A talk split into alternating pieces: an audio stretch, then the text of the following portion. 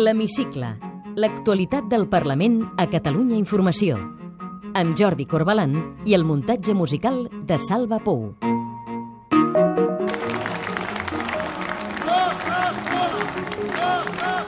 El que ha passat avui és inconcebible en un estat realment democràtic. Mai no hauria d'haver succeït. Carme Forcadell deia això després de declarar aquest divendres com a investigada per haver permès el debat i la votació de les conclusions de la Comissió d'Estudi del Procés Constituent. En el recorregut a peu des del Parlament fins al Palau de Justícia, Forcadell rebia l'escalf del president Puigdemont, l'expresident Mas, càrrecs electes i centenars de ciutadans mobilitzats per les entitats sobiranistes. Una setmana d'alta intensitat política i judicial. Benvinguts a l'Hemicicle.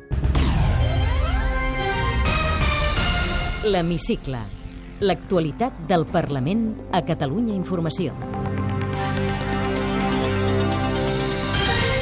El Tribunal Constitucional deixa en suspens el referèndum. Votarem, debatrem i ens reunirem. Políticament crec que això és un error, que això és una pèrdua de temps. Carles Viver Pissunyer, considerat un dels arquitectes de la desconnexió, avisa de la dificultat de pactar amb l'Estat el referèndum. Jo veig més difícil que puguem fer un referèndum previ reforma de la Constitució que no pas que podem fer la, la independència. La detenció de cinc independentistes que van cremar fotos del rei a la Diada tensa la relació entre el govern de Junts pel Sí i la CUP. Els Mossos seran lleials a la Generalitat? És que va d'això, eh? Jo no tinc cap dubte, cap, que el cos de Mossos d'Esquadra estarà sempre al costat del poble de Catalunya. Ciutadans i populars demanen la reprovació dels diputats copaires que dilluns estripaven imatges de Felip VI al Parlament. No farem ni un pas enrere. Entenem que el que va passar ahir és molt greu. I contestarà en una frase al qüestionari de l'hemicicle. David Bonveí, diputat de Junts pel Sí, coordinador organitzatiu del Partit Demòcrata.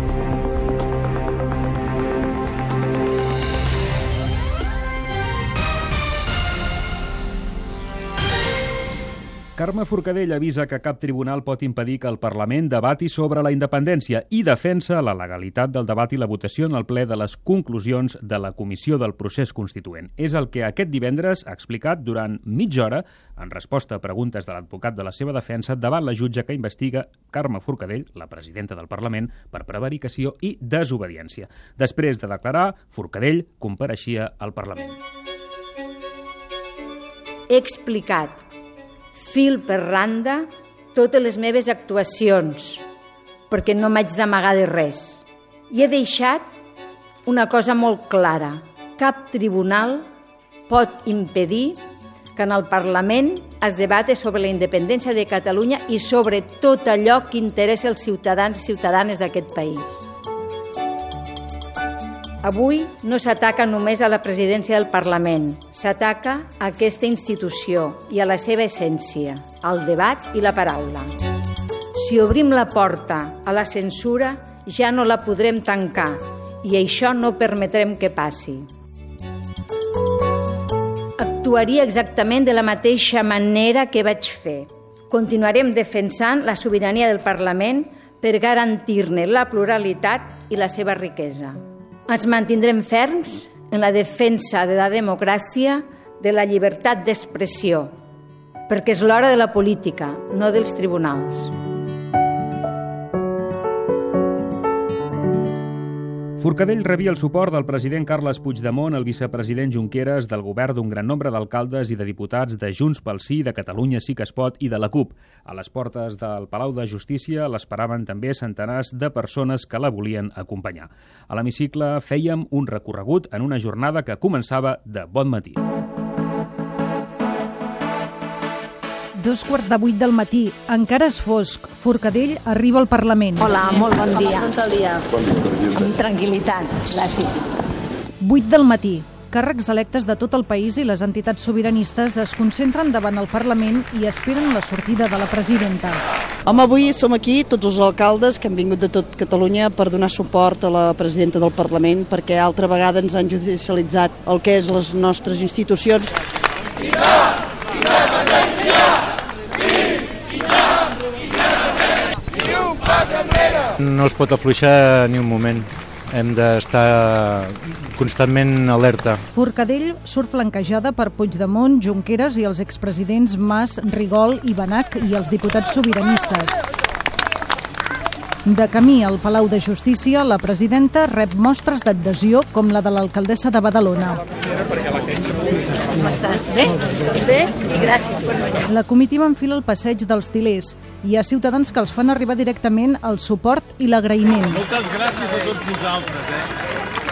Esteu fent la, no- el nostre somni realitat. Moltes gràcies. Últim tram del recorregut pel passeig de Lluís Companys. La comitiva s'atura uns metres abans d'arribar a l'escalinata del Palau de Justícia. La presidenta s'acomiada de la comitiva i entra al Palau de Justícia. Es gira i saluda la gent.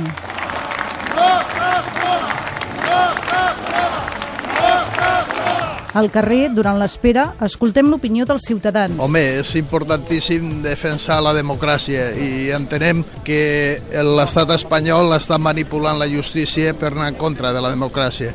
I això, si a la resta d'Espanya ho permeten, serà el seu problema.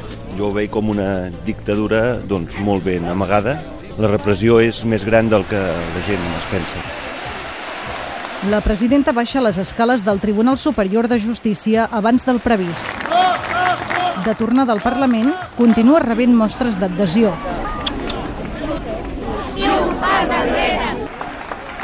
Abans d'entrar al Parlament, Forcadell improvisa unes paraules d'agraïment als ciutadans concentrats a la porta.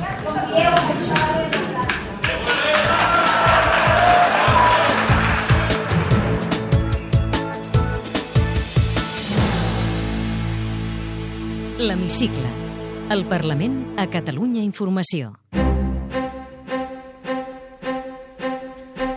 Tot això passava la setmana que el Constitucional ha aturat el pla per convocar el referèndum el 2017. Ha suspès de manera cautelar el full de ruta de la consulta que va aprovar el Parlament durant l'últim debat de política general. Els magistrats, a més, llencen un advertiment al president Puigdemont i a la presidenta Forcadell si no paralitzen qualsevol iniciativa que surti d'aquestes resolucions, com podria ser la cimera pel referèndum del dia 23. Els diu que s'enfrontaran a possibles responsabilitats penals. Carme Montero. El Constitucional atén la petició del govern espanyol admet a tràmit la impugnació que va aprovar el Consell de Ministres el 14 d'octubre. El Constitucional ha trigat dos mesos a respondre, però amb la decisió d'aquesta setmana automàticament les resolucions aprovades pel Parlament sobre el procés constituent queden paralitzades durant cinc mesos. Els magistrats, d'acord amb la petició de l'advocacia de l'Estat, han decidit notificar personalment la resolució a la presidenta del Parlament, als membres de la mesa de la cambra i també al president de la Generalitat i a tot l'executiu català, amb l'avís que tenen l'obligació d'evitar o aturar qualsevol iniciativa que signifiqui eludir la suspensió dels punts impugnats, amb l'amenaça que, si no ho fan, n'hauran d'assumir les eventuals responsabilitats, incloses les penals. Doncs el president de la Generalitat referma la voluntat del govern de continuar amb el full de ruta del referèndum i la convocatòria de la cimera del dia 23. Carles Puigdemont denunciava d'aquesta manera l'actitud de l'estat espanyol. populisme constitucional que consisteix a dir el següent. Els catalans no tenim dret a votar. I si votem, doncs eh, no val. Els catalans tenim dret a votar, tenim dret a debatre i tenim dret a reunir-nos. I per tant, votarem, debatrem i ens reunirem. I al Parlament, Carme, també van opinar tots els grups eh, parlamentaris. Si la decisió del Constitucional deixa l'operació diàleg de Rajoy en via morta, segons en Jordi Turull, president del grup parlamentari de Junts pel Sí, i Anna Gabriel, portaveu de la CUP. Una mostra més de que això d'aquesta famosa operació diàleg doncs és una operació monòleg, és una farsa. L'operació diàleg ha acabat aquí, l'Estat no vol diàleg, doncs nosaltres celebrarem el referèndum igualment. La cap de l'oposició i líder de Ciutadans a Catalunya, Inés Arrimadas, advertia en una entrevista a TV3 i Catalunya Ràdio que la cimera del dia 23 és un error. Serà ell, els tribunals i els jutges, els que ho han de dir. Jo políticament crec que això és un error, que això és una pèrdua de temps, que el propi govern sap que no ho pot tirar endavant. Des del Partit Popular, Xavier García Albiol considera que la decisió del Constitucional dona una oportunitat per al diàleg al president Puigdemont. Tiene la posibilidad de llegar a sentarse con el gobierno de España para intentar acordar una mejor financiación, unas mejores infraestructuras. Joan Coscubiela oferia la proposta de referèndum de Catalunya sí que es pot aprovar del debat de política general que no està suspesa pel TC. Un referèndum amb eficàcia jurídica i política i amb les suficients garanties de tenir un efecte polític sobre la realitat de Catalunya. Pel diputat del PSC, Ferran Pedret, la decisió del Constitucional era previsible. La via de la unilateralitat, la via de dir que un prescindeix del que pugui dir l'ordenament jurídic eh, vigent al respecte del que es pretén fer políticament, és una via que està condemnada al fracàs. L'Hemicicle. L'actualitat del Parlament a Catalunya Informació. Justament aquesta setmana s'ha confirmat que el Parlament no participarà en la renovació dels membres del Tribunal Constitucional després que dimecres rebutgés amb els vots de Junts pel Sí i de la CUP els noms del catedràtic Xavier Arbós i del jutge Félix Vicente Azón proposats pel PSC. Sí, Jordi, la diputada de Junts pel Sí, Adriana Delgado, ha justificat el veto a la renovació del TC i el diputat del PSC, Ferran Pedret, ha criticat la posició del govern de Junts pel Sí en tot cas és un vot en contra d'aquest veto que, que ens ve contra l'activitat democràtica i legítima eh, d'aquesta cambra, del govern de la Generalitat també, un vot que és en contra de la judicialització de la política i que és un vot en contra de la llibertat d'expressió. La política de cadira buida que està practicant el govern de la Generalitat de Catalunya en tants àmbits i fòrums en els que hauria d'estar defensant els interessos dels catalans i les catalanes és una política absolutament nefasta pels interessos dels catalans i les catalanes i una política absolutament irresponsable. Catalunya sí que es pot votava a favor dels noms proposats pel PSC, mentre que Ciutadans i el Partit Popular s'abstenien. És la primera vegada que el Parlament no proposa cap nom per renovar els membres del TC, que designa el Senat espanyol. El director de l'Institut d'Estudis de l'Autogovern, Carles Viver Pissunyer, compareixia dimecres per primera vegada davant el Parlament. Ho feia al mateix moment que el Tribunal Constitucional suspenia les resolucions del debat de política general sobre el referèndum i el procés constituent. Viver i Pissunyer va assegurar que per fer un referèndum pactat amb l'estat espanyol abans caldria reformar la Constitució, cosa que veu improbable. Amb tot es va mostrar partidari d'anar fins al final defensant la reforma de la Constitució perquè es reconegui el referèndum. Si això no s'aconsegueix, si això no s'aconsegueix, què, què passa? Ens aturem, ens aturem sine die, pleguem, ens pleguem de mans i demanem perdó perquè hem arribat fins aquí i perdonin vostès, ja no ho tornem a fer. L'experiència històrica demostra que quan hi ha una situació de bloqueig, la política desplaça el dret. Des de l'oposició, Ciutadans i el Partit Popular van qüestionar la tasca de Viver Pissunyer. Des de Ciutadans, Carlos Carrizosa li recordava el seu passat com a magistrat del TC. Usted no está actuando con lealtad para todos los españoles que votaron esa Constitución, para el 90% de catalanes que votaron esa Constitución. I des del Partit Popular l'acusaven de preparar un cop d'estat. Sentim la diputada Esperanza García i la rèplica de la copaire Anna Gabriel. Golpe de Estado, vulneración de la legalidad institucional de un Estado liderada por miembros del mismo. Lo que están ustedes haciendo. Ni más ni menos. L'estat espanyol té institucions pròpies d'ocupació efectiva de territori que són el que expliquen que ara sigui l'actual estat-nació, mai donant veu als ciutadans, sinó per la via de les armes. Des de Catalunya sí que es pot, Lluís Rebell va demanar que s'impulsi el referèndum pactat amb l'Estat que no ha impugnat el govern espanyol i el PSC defensava que s'explorin al màxim les possibilitats de l'Estatut per aprofundir en l'autogovern. Junts pel Sí mostrava el seu ple suport a la tasca de l'Institut d'Estudis de l'Autogovern. L'Hemicicle. L'actualitat del Parlament a Catalunya Informació. Ni el govern espanyol, ni ell mateix, ni la Conselleria d'Interior aturaran el referèndum. Nosaltres no farem ni un pas enrere. Aquesta era una altra de les imatges sonores d'aquesta setmana al Parlament. La detenció dels cinc joves independentistes que van cremar fotografies per la Diada al Born i que van ser conduïts a l'Audiència Nacional de Madrid ha provocat tensió política al Parlament i, sobretot, ha crispat la relació entre la CUP i el govern de Junts pel Sí. Sis diputats i diputades de la CUP compareixien dilluns per denunciar les detencions. En acabar, la copaire Mireia Bahí i els diputats que l'acompanyaven van estripar, com hem sentit, fotografies del rei.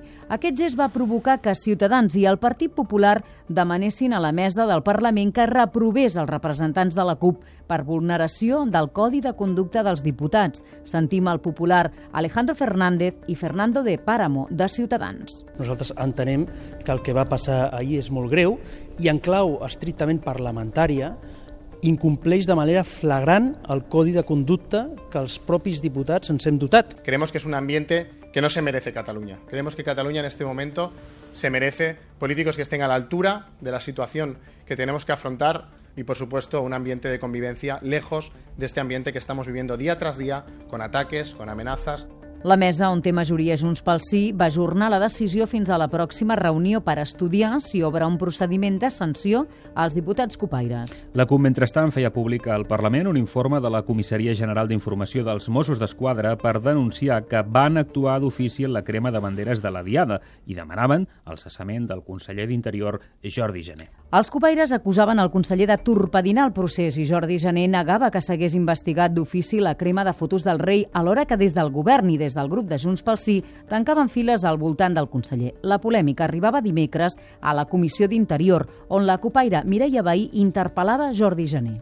Què passarà el dia que convoquem el referèndum i vostè quines ordres polítiques donarà? Garantirà que es pugui realitzar el referèndum seguint la voluntat democràtica arrel del 27 de setembre? Jo no tinc cap dubte, cap, que el cos de Mossos d'Esquadra, tal com defineix la llei que el regula, estarà sempre al costat del poble de Catalunya, al costat de les seves institucions democràtiques i al costat de la legalitat vigent a Catalunya. L'Hemicicle. L'actualitat del Parlament a Catalunya Informació. La setmana que ve serà setmana de ple, de ple de pressupostos al Parlament. Aquesta setmana que ara acabem. I han passat més coses. El director de l'oficina antifrau, Miguel Ángel Jimeno, venia dimecres a la cambra per exposar les noves directrius de treball de la institució. Jimeno assegurava que cap dels treballadors actuals de l'organisme ha pervertit les seves funcions i que no s'ha revelat més informació que la que va aparèixer en les converses entre l'anterior director i l'exministre Fernández Díaz. També va explicar que quan va arribar al càrrec a l'oficina s'acumulaven 90 46 expedients caducats o a punt de caducar. En tot va explicar que s'han recuperat d'ofici els expedients on hi pot haver denúncies no prescrites. No hi ha hagut cap assumpte d'aquestos que hagi estat perjudicat en altre aspecte que no sigui amb el temps que, que s'ha trigat. L'activista del 15M i membre fundadora de la plataforma Xnet, Simona Levi, compareixia dimarts davant la Comissió de la Lluita contra la Corrupció. Simona Levi va afirmar que gairebé el 70% dels casos de corrupció que jutgen els han destapat ciutadans del carrer. Levi reclamava una llei per defensar els alertadors perquè sovint els ciutadans que denuncien casos de corrupció queden desprotegits ja que una gran part d'aquest treball s'ha dut a terme des de les nostres organitzacions a Catalunya, veuria amb gran satisfacció que Catalunya fos avantguàrdia en la redacció d'una llei en aquest sentit. Els pressupostos pel 2017 preveuen una dotació de més de 5 milions d'euros per a l'obertura de fosses comunes de desapareguts durant la Guerra Civil. De les 166 fosses comunes confirmades en territori català, només s'han fet una quarantena d'actuacions. El govern té a punt un programa d'obertura de fosses que condiciona a l'aprovació dels pressupostos, tal com explicava en comissió la directora d'Afers Institucionals, Carme Garcia. Hi ha una planificació que comportarà obrir durant l'any 2017 bastants d'aquestes fosses. Cada mes es detecten de mitjana entre 5 i 6 menors d'edat que inhalen cola als carrers de Barcelona. Això fa que aquest any la xifra ja superi la seixantena. El perfil tipus d'aquests menors és el d'un noi de més de 12 anys que ha arribat del Marroc. A partir del gener hi haurà un nou equip d'acompanyament al carrer amb dos educadors i un terapeuta per atendre aquests menors, com explicava a la Comissió d'Infància el responsable de la Direcció d'Atenció a la Infància i l'Adolescència, Ricard Calbó. El, el que farà serà un seguiment d'aquests nois que tenim perfectament identificats per facilitar el seu retorn. No deixem sense personal d'atenció directa als centres perquè vagin a buscar els nens que no retornen, sinó que els hem posat un equip que el que facilitarà serà treballar amb aquests eh, nois que no retornen perquè puguin anar cap al centre. Té la paraula Hola, sóc el David Bonveí, diputat de Junts pel Sí. A més, sóc coordinador organitzatiu del Partit Demòcrata, PDeCAT. En una frase. Setmana del voltatge polític i judicial al Parlament. Què li passa pel cap en setmanes com aquestes? Bé, que la política és apassionant i que segurament tot va massa, tot va massa de pressa. Com definiria aquest curs polític que estem vivint? Eh, desitjo que sigui el curs, eh, un curs històric, i que sigui un curs on la gent vegi resultats de veritat i que la ciutadania comenci a veure resultats. Com creu que l'acabarem? L'acabarem amb un referèndum on la gent podrà votar si vol independència o no la vol i l'acabarem amb resultats concrets i que la gent veurà, veurà realitats. Cremar fotografies d'un cap d'estat hauria de ser delicte? Eh, crec que si ho poguéssim triar amb un nou, amb un nou, amb un nou país, eh, jo votaria que no fos delicte. Ha desobeït mai? Eh, pregunta complicada, segurament que sí, i a vegades volent i a vegades sense voler. De què se sent més orgullós de tot el que ha fet des que l'any 2010 va arribar al Parlament? D'haver estat ponent de lleis importants que crec que han millorat el, la vida i el benestar de, de la gent i entre elles la llei òmnibus. Digui'ns quina eh, és la llei que li faria més il·lusió eh, d'aprovar aquesta legislatura. Ah, la llei eh, de transi transitorietat jurídica, que és aquella llei doncs, que dirà que l'ordenament jurídic que ens, que ens hem de regir és el català. Digui'ns què representa per vostè aquests noms. Jordi Pujol. Un mite. Artur Mas. Un mite que el vaig conèixer de prop. Carles Puigdemont. Un amic que espero que es converteixi en mite. Amb 25 anys, David Bonveí va ser alcalde de Fonollosa, el seu poble. Ara és juntament amb Marta Pascal, coordinador nacional del PDeCAT. D'ambició política no n'hi falta. On li agradaria arribar? Ambició política no sé si me'n falta, però en tot cas a mi m'agradaria ensortir-me'n amb aquesta tasca actual que tinc en el partit, que és fer un partit modern, atractiu, i més eh, adaptat als nous temps. Puigdemont ha de ser el candidat del PDeCAT en unes eleccions constituents? Eh, com a partit demòcrata, l'únic que hauríem de dir és que apreciem molt la feina que fa, que esperem que arribi fins al final i que si ha de ser candidat o no, doncs que ell escolli. El 2007, un malaurat accident de cotxe el va deixar amb paraplègia. Vostè és el primer diputat que va en cadira de rodes al Parlament. Ha hagut de trencar moltes barreres dins i fora del Parlament? No, hi ha gent que n'ha trencat més que jo. Jo crec que l'únic que he fet és doncs, que molta gent hagi visualitzat que una, que una persona amb cadira de rodes també pot assolir responsabilitats en la vida pública i en aquest cas doncs, jo he tingut l'honor de ser el primer diputat paraplègic però no crec. Jo crec que fora, fora de la política hi ha molta gent que ha trencat moltes més barreres que jo.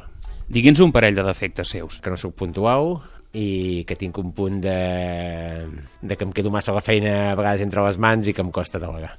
Va, I ara un parell de qualitats. Crec que sóc conscient de, del que estic fent, del que sóc, i crec que sóc una persona que intenta sempre arribar a consensos quasi amb tothom. Recorda què volia ser quan era petit? Sí, porter de futbol. El racó que més li agrada de Manresa, la ciutat on viu ara? A la plaça Sant Domènec. Viu de lloguer o de propietat? De propietat. Té segona residència? Eh, no. On va quan vol desconnectar del tot? En diferents llocs, un dels llocs al Delta de l'Ebre. Eh, hi ha alguna cosa després de la mort? Eh, segurament. El seu màxim anel? Veure la majoria de gent eh, contenta i la majoria de gent doncs, vivint amb les millors condicions i a nivell polític doncs, tothom, tothom s'ho deu imaginar. David Bonveí, diputat de Junts pel Sí, coordinador del PDeCAT. Gràcies per ser avui a l'hemicicle. Moltes gràcies a vosaltres. Podeu tornar a sentir l'hemicicle al web catradio.cat barra hemicicle i seguir l'actualitat del Parlament al compte de Twitter arroba cati-política.